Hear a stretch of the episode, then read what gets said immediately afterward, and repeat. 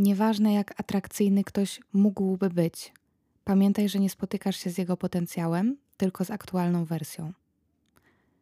Hej, z tej strony Wika i zapraszam Cię do wersji roboczych. Ten odcinek miał być o energii żeńskiej i męskiej, o tym jak działają i jak o nie dbać, ale w ostatnich dniach bliskiej mi osobie przydarzyła się sytuacja, która popchnęła mnie do przełożenia tego tematu, prawdopodobnie na przyszły tydzień i dużych refleksji na inny, który weźmiemy dziś na tapetę. A tym tematem jest potencjał, ale nie nasz, tylko ten, który widzimy w innych ludziach. Czyli porozmawiamy dziś o tym, czy warto czekać na zmianę u drugiego człowieka, widząc w nim nie to, jakim jest, a jakim mógłby być. Więc jeżeli masz ochotę poznać mój punkt widzenia, to zapraszam Cię do spędzenia tego czasu razem ze mną. Zanim zaczniemy, jeżeli jesteś tu po raz pierwszy, bardzo się cieszę, że wpadłeś, rozgość się i czuj się jak u siebie, a jeżeli to nie jest Twój pierwszy odcinek wersji, witam z powrotem, tęskniłam i fajnie, że zostałeś na dłużej. Standardowo zapraszam Was do obserwowania i oceniania podcastu, zarówno na Spotify, jak i Apple Podcast. Ostatnio naprawdę bardzo się to rozwija i jestem pewna, że to zasługa Waszego wsparcia. Dziękuję. Dodatkowo zapraszam też na Instagrama wersję robocze.podcast po więcej aktualizacji, treści i aby dołączyć do challenge'u polegającego na robieniu jednego prostego zadania co tydzień, służącemu wyjściu poza swoją strefę komfortu, budowaniu pewności siebie i poprawianiu relacji z samym sobą. Mam nadzieję, że ten tydzień minął Wam cudownie, wszystko u Was dobrze i mrozy Was nie pokonały.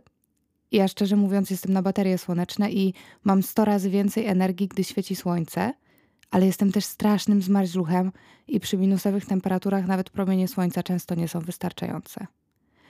I chociaż teraz też powoli wracam na właściwe tory po cięższym okresie, to nie mogę się doczekać wiosny i lata i tego, jak chodzenie na spacery będzie innym levelem przyjemności. W dniu, w którym wychodzi ten podcast, jestem w odwiedzinach w rodzinnym domu i dokonuję chyba największej zmiany wizualnej ostatnich lat.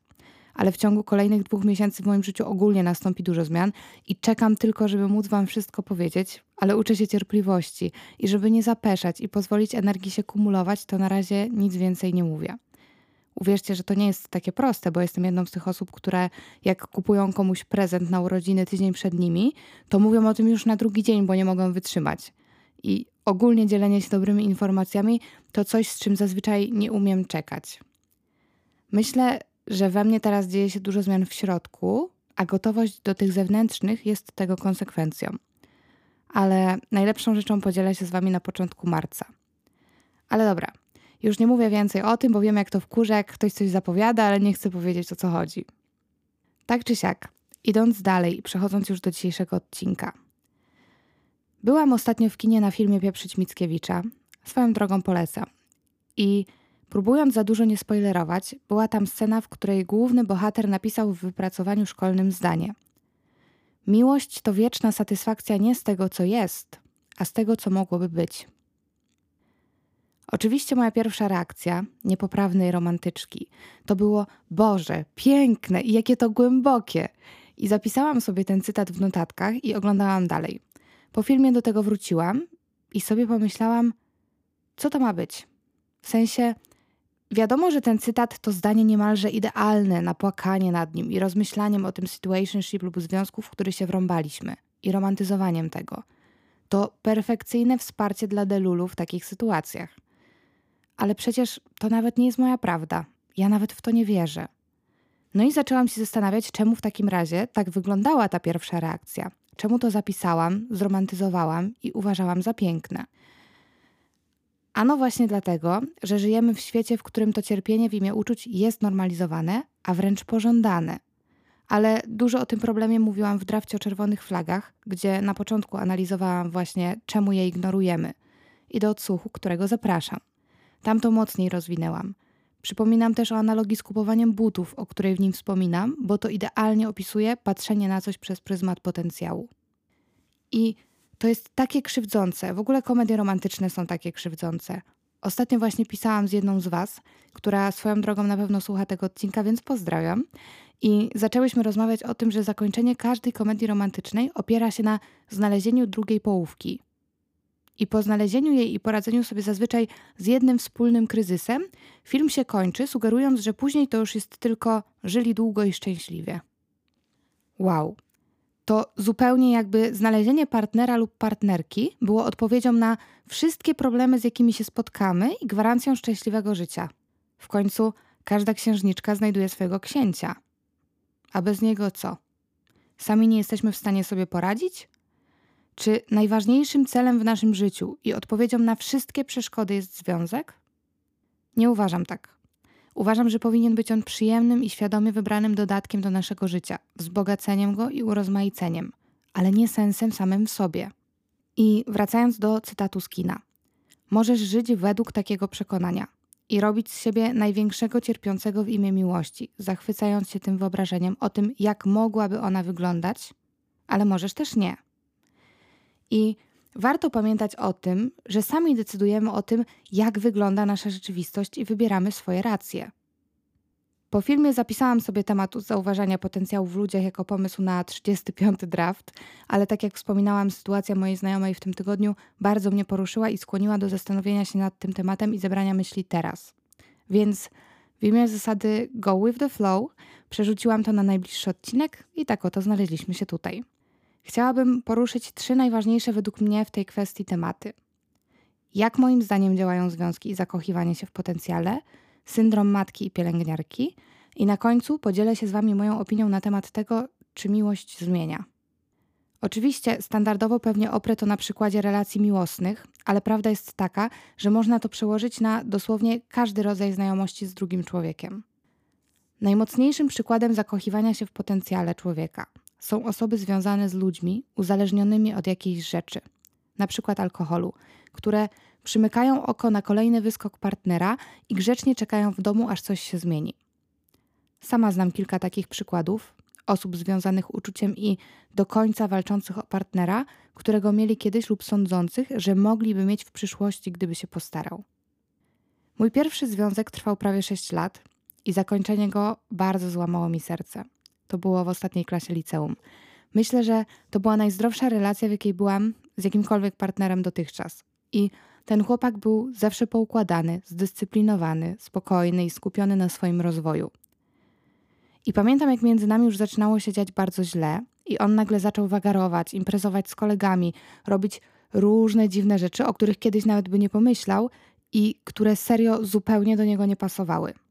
Po jakimś czasie, w trakcie trwania tego etapu w jego życiu rozstaliśmy się i nie zapomnę, jak leżałam na kolanach mojego taty płacząc i powtarzając mu, że przecież on taki nie jest, że to nie jest osoba, którą kocham i on się zmieni, że nie wiem czemu się tak zachowuje, ale wróci ta stara wersja, którą znam. I mój tata przytoczył wtedy właśnie historię tych kobiet, których mężowie wracają do domu pijani lub po wydaniu wszystkich pieniędzy w kasynie, raniąc je na każdym kroku, a one i tak dzielnie wszystko znoszą, mówiąc: On taki nie jest, ja wiem, że jest dobrym człowiekiem i za niedługo wróci do siebie. Oni nie wracają, a kobiety marnują swoje życia. A nawet gdyby wrócili, nic nie zwróci ci lat, które poświęciłaś lub poświęciłeś na czekanie zamiast na inwestowanie w siebie i prawdopodobnie nigdy w 100% nie porzucisz strachu, że ta sytuacja powtórzy się ponownie.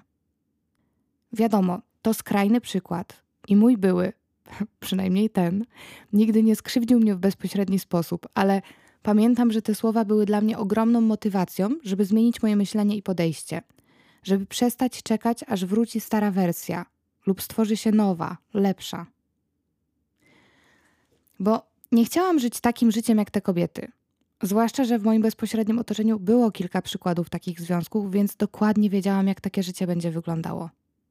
I gdy rozmawiałam wczoraj z tą koleżanką, która przed rozmową zapłakana zapewniała mnie, że to jej wina, że coś się stało, że ten partner chce skończyć tą relację i tak dalej, przypomniałam sobie tą rozmowę z tatą. I przypominam ją sobie za każdym razem, kiedy los sprawdza, czy odrobiłam już tą lekcję. Kiedy koleżanka opowiedziała mi całą historię, Okazało się, że to wcale nie jest w stu procentach jej wina. Wiadomo, że poznałam sprawę tylko z jednej strony. Każdy kij ma dwa końce i nie uważam też, że ona jest bez żadnej skazy, bo nie wiem tego. W wielu takich przypadkach ranienie swojego partnera to są jakieś psychiczne zaburzenia lub niewyleczone rany, które krwawią na, na otoczenie, czyli na te osoby. A nawet jeśli to ktoś rani nas, to odpowiedzialność za to, że się na to godzimy, nadal jest po naszej stronie. No i kontynuowałyśmy temat. I ona za każdym razem, czemu wcale się nie dziwię, znam to aż za dobrze, mówiąc o czymś, co on zrobił, usprawiedliwiała go. Na pewno kojarzycie taki cytat, że należy być miłym zawsze, bo nigdy nie wiemy, przez co przechodzi druga osoba. Zgadzam się. Ale jednocześnie uważam, że nie jest to równoznaczne z tym, że musimy jej w tym towarzyszyć, jeżeli to nam nie służy. Dużo o tym mówiłam w drafcie siódmym, czego nauczył mnie 2023, do którego Was odsyłam, bo jest to serio jeden z moich ulubionych, jak nie ulubiony draft i nie chciałabym tutaj powtarzać tego, czego można posłuchać tam, tylko dodać coś nowego, ale myślę, że w tamtym odcinku zawiera się dużo ważnych słów, które są warte uzupełnienia w tym temacie. Nie naszą rolą jest naprawiać kogokolwiek.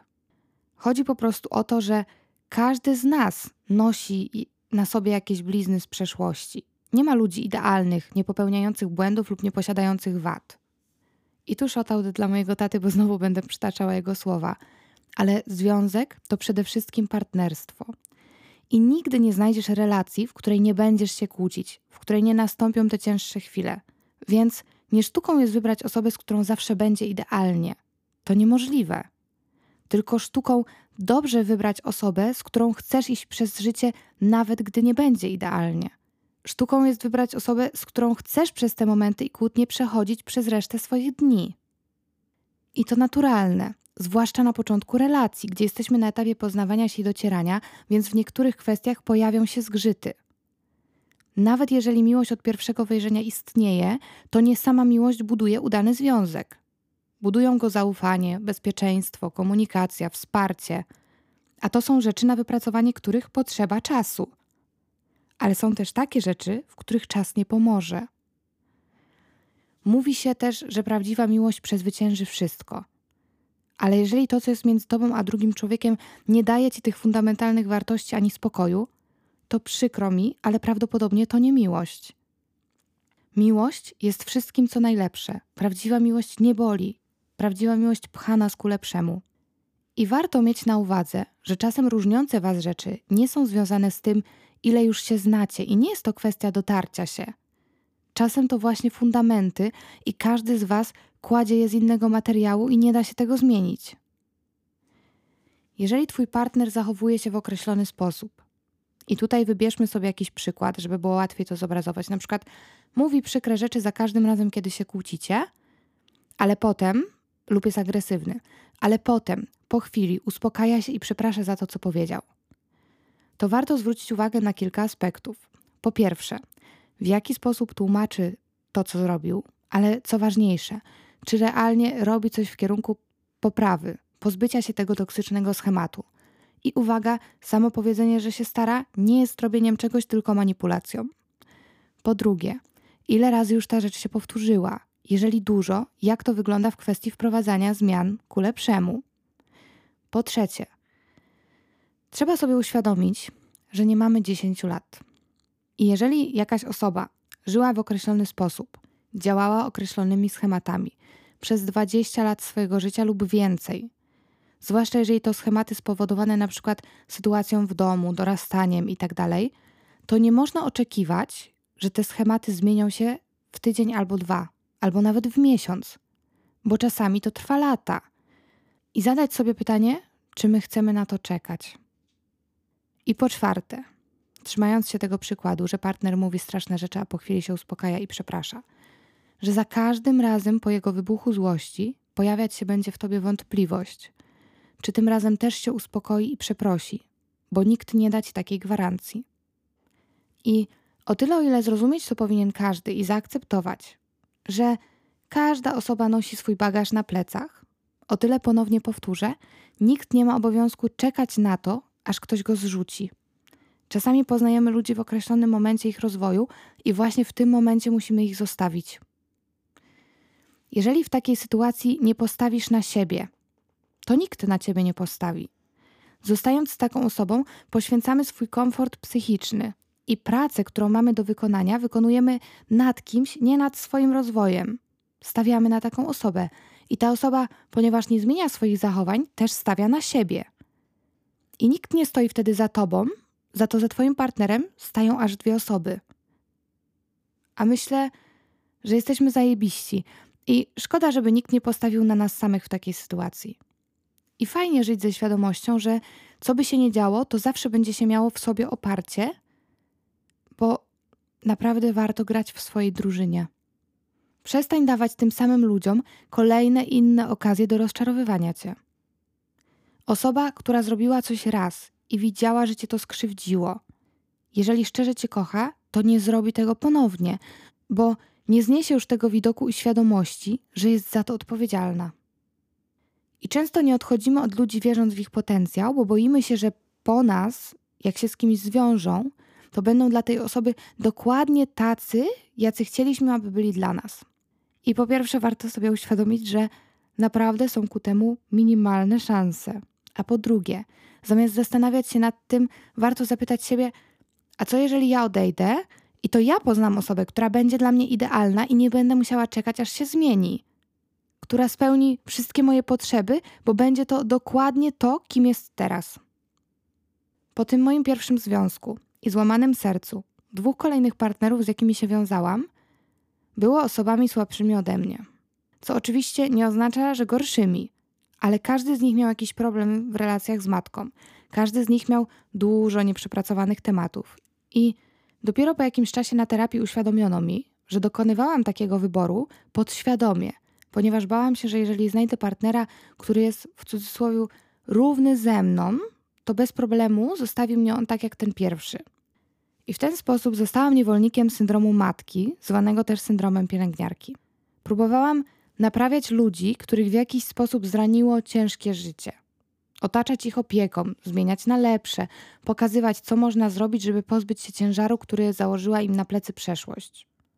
I ja sobie też romantyzowałam, że ja im pomagam, że będę tą, która im pokaże, co to znaczy miłość, dla której oni się zmienią, której do końca życia będą wdzięczni, więc nigdy jej nie zranią ani nie zostawią.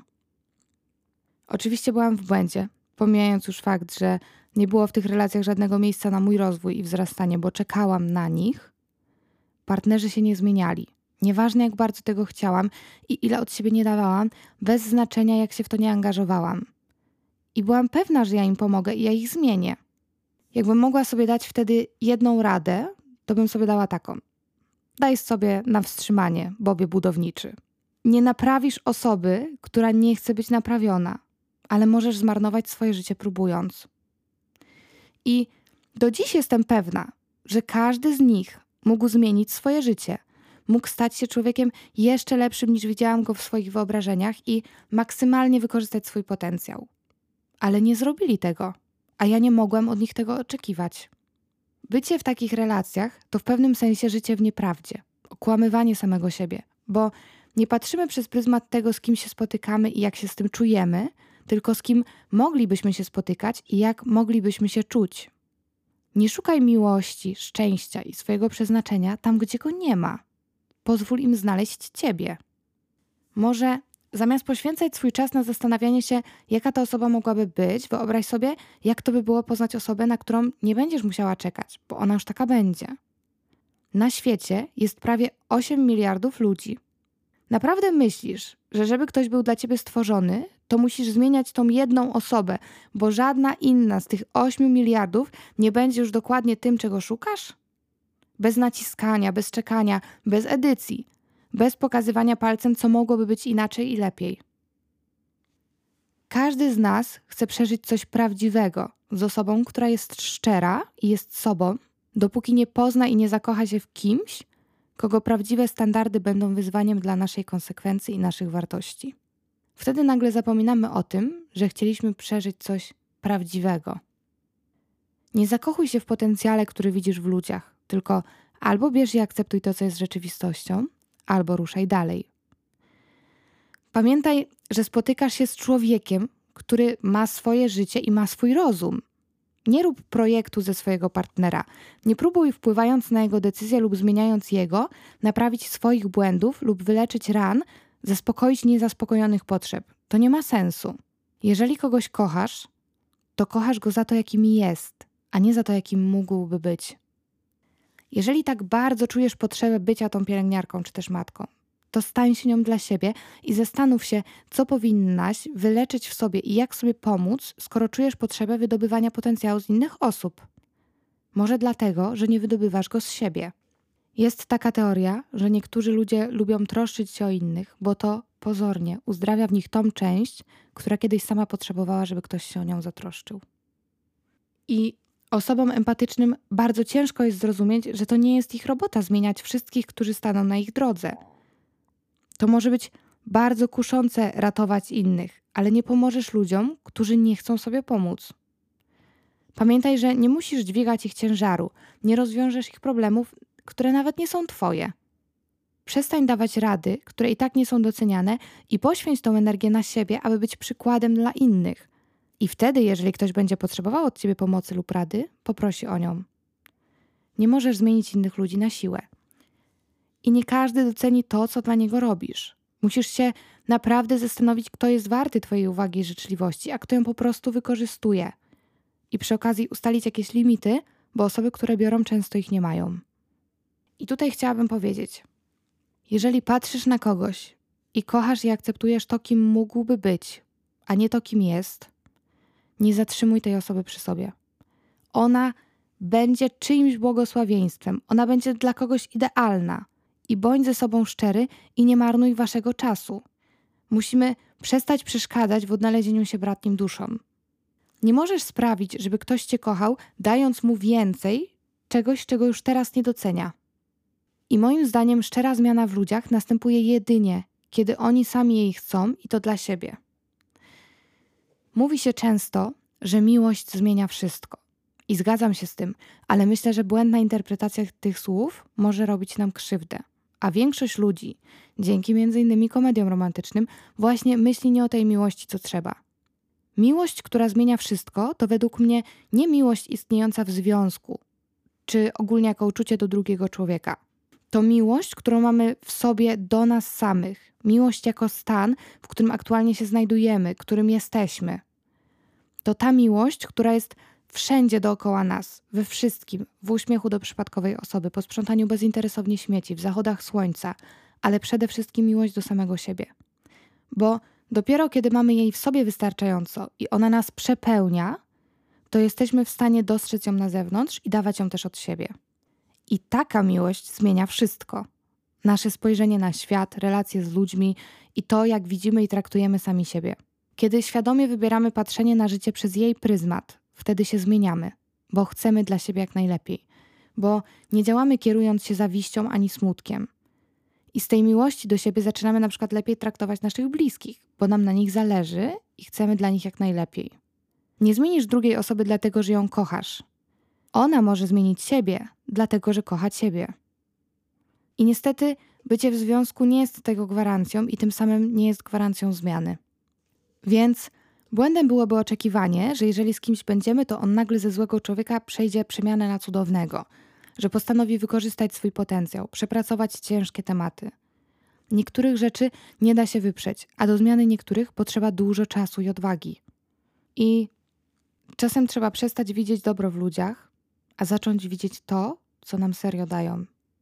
Wiadomo, że w relacji możemy się od siebie wzajemnie dużo uczyć i ogólnie stawać się lepszymi ludźmi, ale chęć zmiany dla kogoś, moim zdaniem, nigdy nie da długotrwałego skutku. Jedynie gdy motywacją jest zrobienie tego dla nas samych, z własnej, nieprzymuszonej woli, to to ma szansę się wydarzyć. Albo gdy nastąpi jakaś sytuacja, niestety najczęściej dramatyczna, która zmieni naszą perspektywę patrzenia na życie. I nie, jeżeli od niego odejdziesz, bo nie ma do ciebie szacunku, to on nie zmieni się przez to magicznie. To nie będzie to traumatyczne wydarzenie, które sprawi, że po miesiącu, gdy do niego wrócisz, on już cię nigdy nie skrzywdzi. Takie typy nigdy nie zrozumieją, co stracili, bo prawdopodobnie nawet w trakcie związku nie zdawali sobie sprawy z tego, jak wiele mają. W innym przypadku dbaliby o ciebie, o związek i nie dopuścili do sytuacji, w której odeszłaś. Podsumowując, nieważne jak atrakcyjny jest czyjś potencjał, pamiętaj, że spotykasz się jedynie z aktualną wersją tej osoby. Nie oceniam, czy dawanie komuś szansy lub czekanie na jego zmianę jest dobrą czy złą decyzją. Pewnie odpowiedzią na to pytanie jest, jak w większości przypadków, to zależy.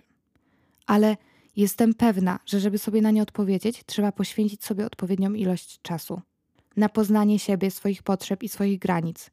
I podjąć tą decyzję nie z pozycji lęku lub w imię ślepej idei cierpienia kosztem pięknego uczucia, bo gdyby było takie piękne, nie fundowałoby tego cierpienia w taki sposób i regularnie. I nie skupiać się na tym, kim ta osoba mogłaby być, bo mogłaby być dosłownie wszystkim. Tylko spojrzeć na to, kim jest teraz i w jaki sposób się zachowuje. I to, co robi, pokazuje więcej niż to, co mówi. Nawet jeżeli jesteś wyrozumiały, bo kiedyś byłeś w podobnym położeniu lub doświadczyłeś podobnych rzeczy, ale zebrałeś w sobie tyle odwagi, żeby to przepracować. Inni ludzie nie są tobą. Nie mają obowiązku podejmować takich samych decyzji jak ty, wybierać tej samej drogi, postępować w ten sam sposób. Nie oczekuj siebie od innych ludzi. Żeby dowiedzieć się, czy warto, trzeba szczerze zapytać siebie, czy chcę to sprawdzać. Ile jestem w stanie znieść tak, żeby nie wpłynęło to na mnie źle i nie spowodowało we mnie jakiejś traumy? Czy blokuje to mój rozwój? Czy jestem szczęśliwa, szczęśliwy? Czy chcę czekać, aż ta osoba się zmieni i czy jestem gotowy na to, że może to nigdy nie nastąpić? Fajnie czasem spojrzeć na to z perspektywy osoby trzeciej. Czy gdyby mój przyjaciel, przyjaciółka była w mojej sytuacji, to radziłabym jej zostać czy odejść? Każdy z nas musi samodzielnie zdecydować, na ile jest w stanie się poświęcić i czy to jest tego warte. Według mnie, jeżeli kosztuje cię to spokój, szczęście lub rozwój, to nie jest. I warto dać sobie szansę na znalezienie tego, co da ci te rzeczy, a nie je zabierze. Mamy jedno życie. Czas leci naprawdę szybko i jedyną osobą, której potencjał możesz i powinieneś wykorzystać, jesteś ty sam. A jest to też potencjał budowania relacji, w których wzrastamy. Myślę, że w życiu każdej osoby przychodzi kiedyś moment, w którym przestaje przekonywać innych ludzi, żeby zachowywali się w określony sposób, zmienili się na lepsze. Zaczynasz jedynie obserwować ich wybory, rozumieć charakter i decydować, czy masz na to miejsce w swoim życiu. Nie zakochuj się w czyimś potencjale. To, kim ktoś mógłby być, nie zmienia tego, kim jest aktualnie. Więc może zmodyfikujmy ten cytat z filmu, o którym mówiłam na początku i uwierzmy, że prawdziwa miłość to satysfakcja z tego, co jest, a nie z tego, co mogłoby być. I to tyle na dziś. Cieszę się, że jesteście i dziękuję Wam za to jeszcze raz. Pewnie nigdy nie przestanę tego robić. Będę wdzięczna za każdą wystawioną ocenę i obserwację. To ogromny wkład w rozwój wersji. Zapraszam na Instagrama. Czekam na wiadomości od Was z historiami, pytaniami lub opiniami. Pamiętajcie, żeby mnie oznaczać, jeżeli udostępniacie drafty. Do usłyszenia w następny poniedziałek. Wika.